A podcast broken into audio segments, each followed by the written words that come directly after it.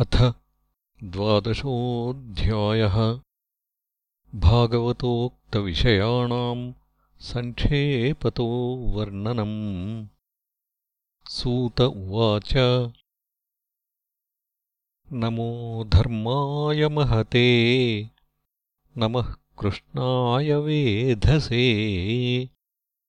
ब्राह्मणेभ्यो नमस्कृत्य धर्मान् वक्ष्ये सनातनान्।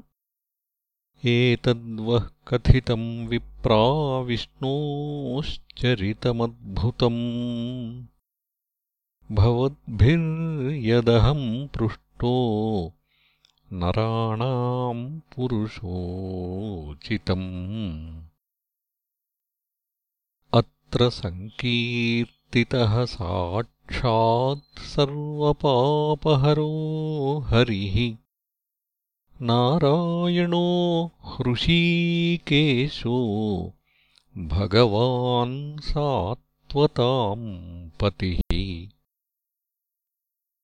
अत्र ब्रह्मपरम् गुह्यम् जगतः प्रभवाप्ययम् ज्ञानम् च तदुपा ख्यानम् प्रोक्तम् विज्ञानसंयुतम् भक्तियोगः समाख्यातो वैराग्यम् च तदाश्रयम् पारीक्षितमुपाख्यानम् नारदाख्यानमेव च प्रायोपवेशो राजर्षेर्विप्रशापात्परीक्षितः। शुकस्य ब्रह्मर्षभस्य संवादश्च परीक्षितः।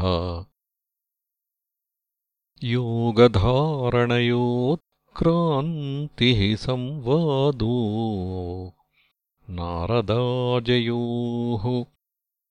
अवतारानुगीतम् च सर्गः प्राधानिकोऽग्रतः। विदुरोद्धवसंवादः क्षत्रुमैत्रेययोस्तथा। पुराणसंहिताप्रश्नो महापुरुषसंस्थितिः। ततः प्राकृतिकः सर्गः सप्तवैकृतिकाश्च ये ततो ब्रह्माण्डसम्भूतिर्वैराजः पुरुषो यतः। कालस्य स्थूलसूक्ष्मस्य गतिः पद्मसमुद्भवः। भुवौद्धरणेऽम्भोधेर्हिरण्याक्षवधो यथा। ऊर्ध्वतिर्यगवाक्सर्गो रुद्रसर्गस्तथैव च। अर्धनारीनरस्याथ यतः स्वायम्भुवो मनुः। शतरूपा च या स्त्रीणामाद्या प्रकृतिरुत्तमा। सन्तानो धर्मपत्नीनाम् कर्दमस्य प्रजापतेः।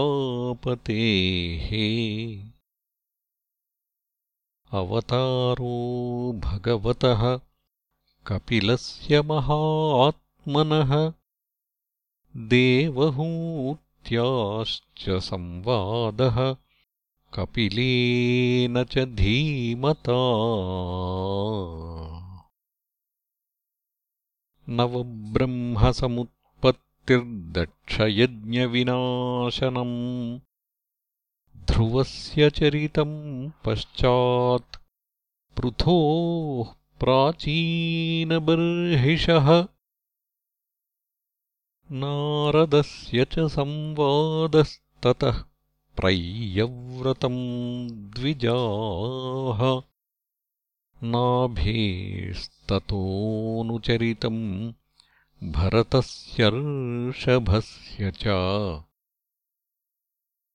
द्वीपवर्षसमुद्राणाम् गिरिनद्युपवर्णनम् ज्योतिश्चक्रस्य संस्थानम् पातालनरकस्थितिः दक्षजन्मप्रचेतोऽभ्यस्तत्पुत्रीणाम् च सन्ततिः। यतो देवासुरनरास्तिर्यम् नगखगादयः त्वाष्ट्रस्य जन्मनिधनम् पुत्रयोश्च दितेर्द्विजाः दैत्येश्वरस्य चरितम् प्रह्लादस्य महात्मनः। मन्वन्तरानुकथनम् गजेन्द्रस्य विमोक्षणम् मन्वन्तरावताराश्च विष्णोर्हयशिरादयः। कौर्मम् धान्वन्तरम् मात्स्यम् वामनम् च जगत्पतेः। क्षीरोदमथनम् तद्वदमृतार्थे दिवौकसाम्। देवासुरमहायुद्धम् राजवंशानुकीर्तनम्। इक्ष्वाकुजन्मतद्वंशः सुद्युम्नस्य महात्मनः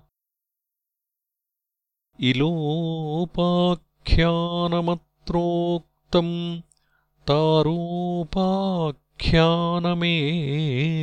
च सूर्यवंशानुकथनम् शशादाद्यान्नृगादयः सौकन्यम् चाथ शर्यातेः ककुत्स्थस्य च धीमतः खट्वाङ्गस्य च मान्धातुः सौभरेः सगरस्य च रामस्य कोसलेन्द्रस्य चरितम् किल्बिषापहम्। निमेरङ्गपरित्यागो जनकानाम् च सम्भवः। रामस्य भार्गवेन्द्रस्य निःक्षत्रकरणम् भुवः। ऐलस्य सोमवंशस्य ययातेर्नहुषस्य च दंश्यन्तेर्भरतस्यापि शन्तनोस्तत्सुतस्य च ययातेर्ज्येष्ठपुत्रस्य यदोर्वंशोऽनुकीर्तितः यत्रावतीर्णो भगवान् कृष्णाख्यो जगदीश्वरः। वसुदेवगृहे जन्म ततो वृद्धिश्च गोकुले। तस्य कर्माण्यपाराणि कीर्तितान्यसुरद्विषः। पूतनासुपयः पानम् शकटोच्चाटनम् शिशोः तृणावर्तस्य निष्पेषस्तथैव बकवत्सयोः धेनुकस्य सह भ्रातुः प्रलम्बस्य च संक्षयः। गोपानाम् च परित्राणम् दवाग्नेः परिसर्पतः दमनम् कालियस्याहेर्महाहेर्नन्दमोक्षणम् व्रतचर्या तु कन्यानाम् यत्र तुष्टोच्युतो व्रतैः प्रसादो यज्ञपत्नीभ्यो विप्राणाम् चानुतापनम् गोवर्धनोद्धारणम् च शक्रस्य सुरभेरथ। यज्ञाभिषेकम् कृष्णस्य स्त्रीभिः क्रीडा च रात्रिषु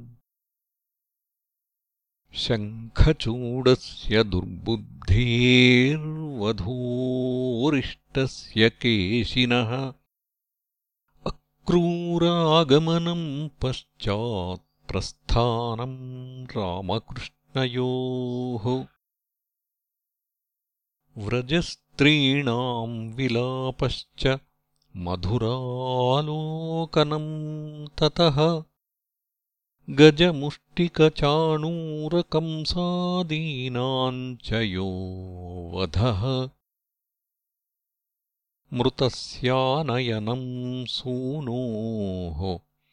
पुनः सान्दीपनेर्गुरोः।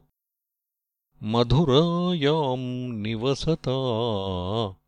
यदुचक्रस्य यत्प्रियम् कृतमुद्धवरामाभ्याम् युतेन हरिणा द्विजाः।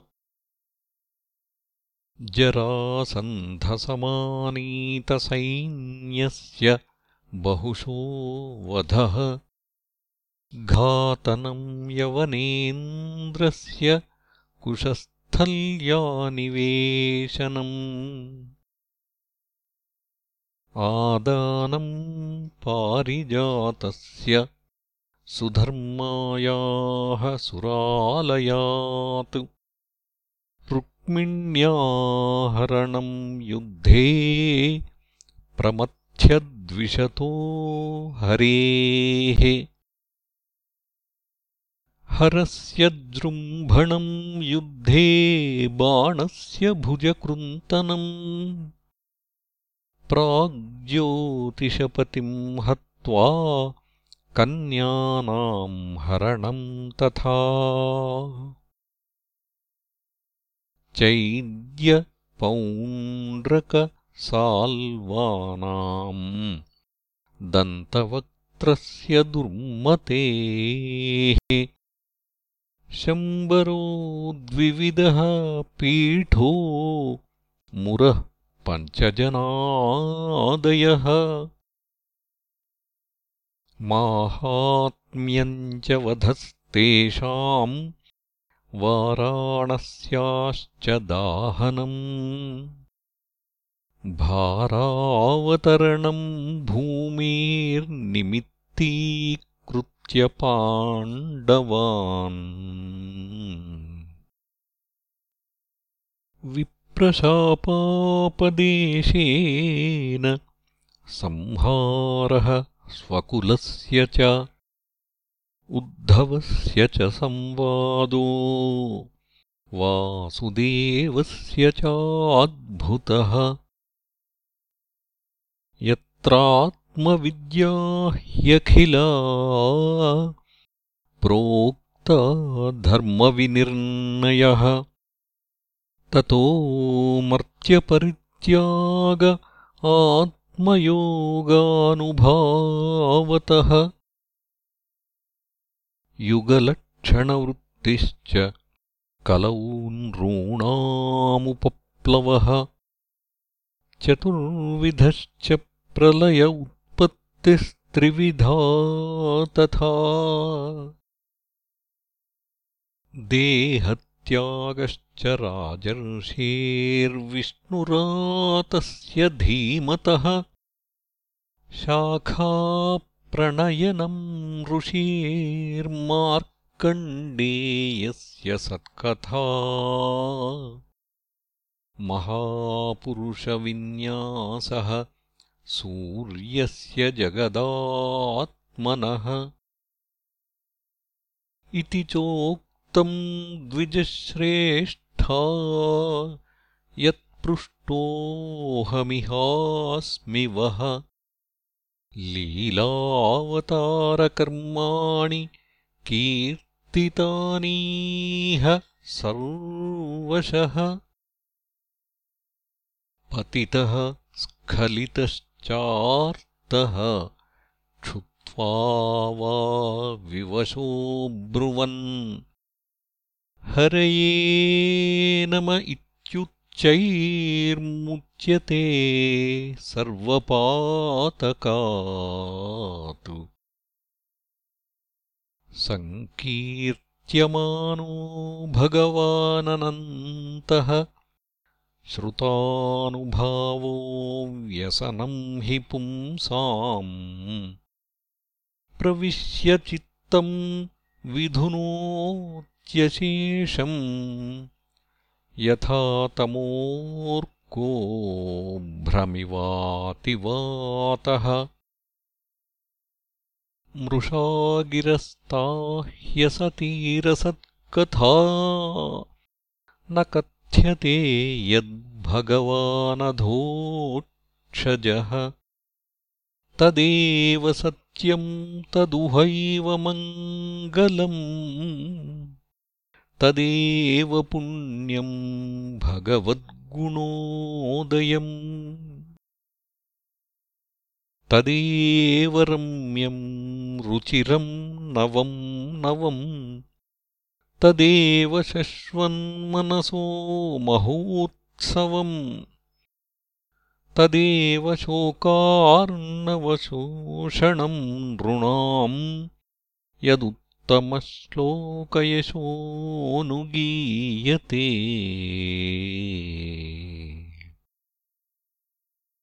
न तद्वचश्चित्रपदम् हरेर्यशो।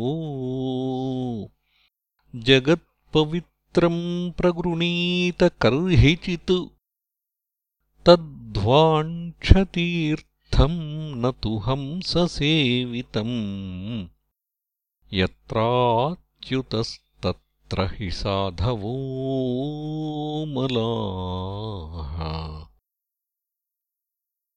स वाग्विसर्गो जनताघसम्प्लवो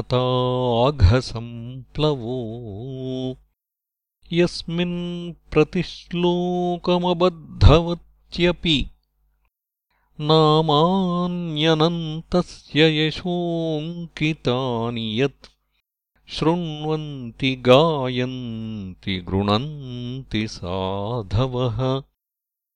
नैष्कर्म्यमप्यच्युतभाववर्जितम् न शोभते ज्ञानमलम् निरञ्जनम् कुतः पुनः शश्वदभद्रमीश्वरे न ह्यर्पितम् कर्म यदप्यनुत्तमम्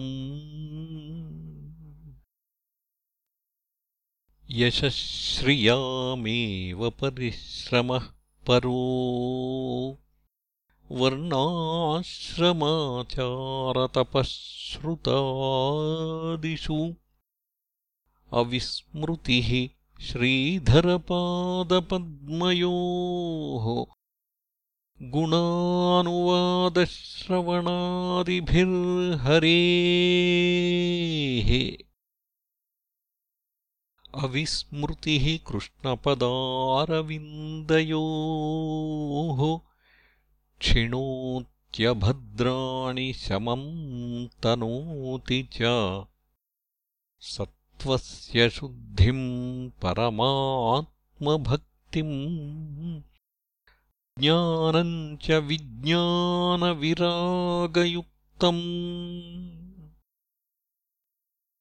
यूयम् द्विजाग्र्या भूरिभागाः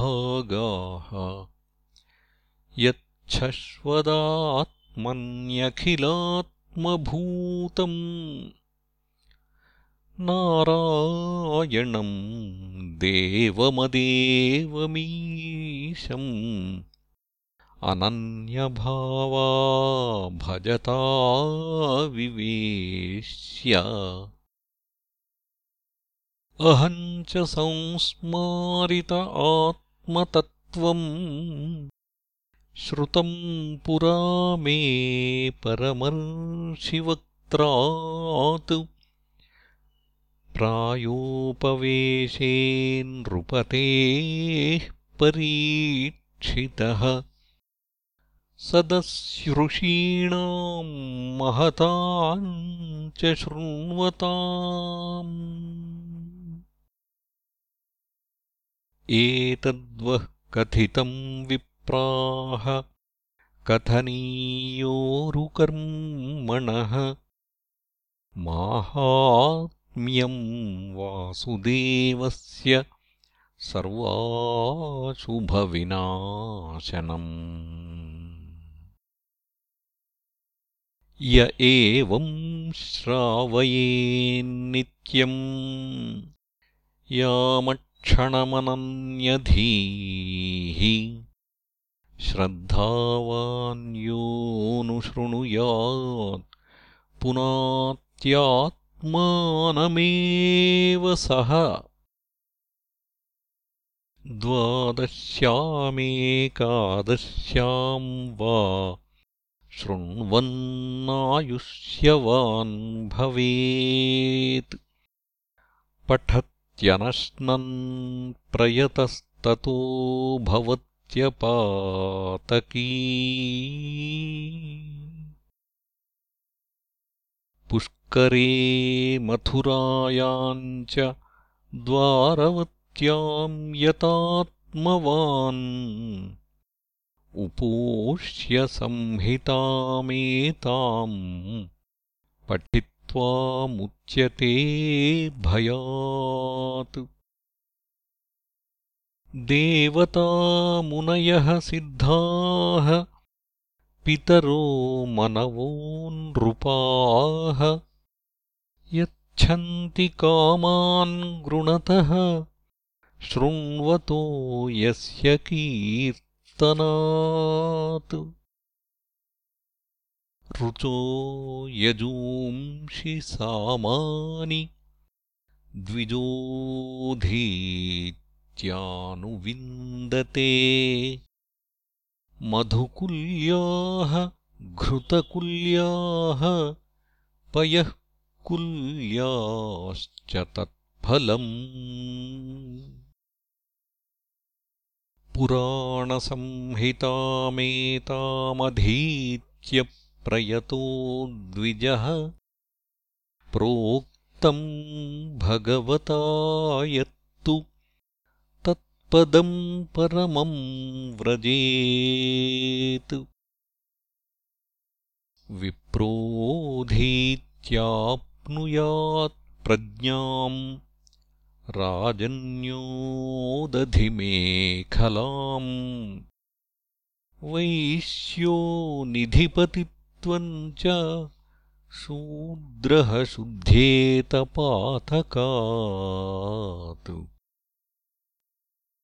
कलिमलसंहतिकालनोऽखिलेशो हरिरितरत्र न गीयते ह्यभीक्ष्णम् इह तु पुनर्भगवानशेषमूर्तिः परिपठितोऽनुपदम् कथाप्रसङ्गैः।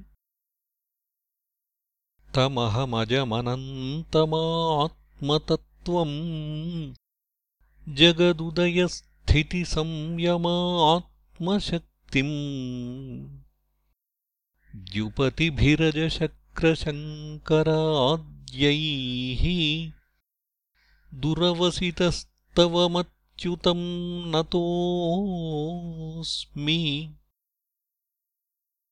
उपचितनवशक्तिभिः स्व आत्मनि उपरचितस्थिरजङ्गमालयाय। भगवत उपलब्धिमात्रधाम्ने सुरऋषभाय नमः सनातनाय।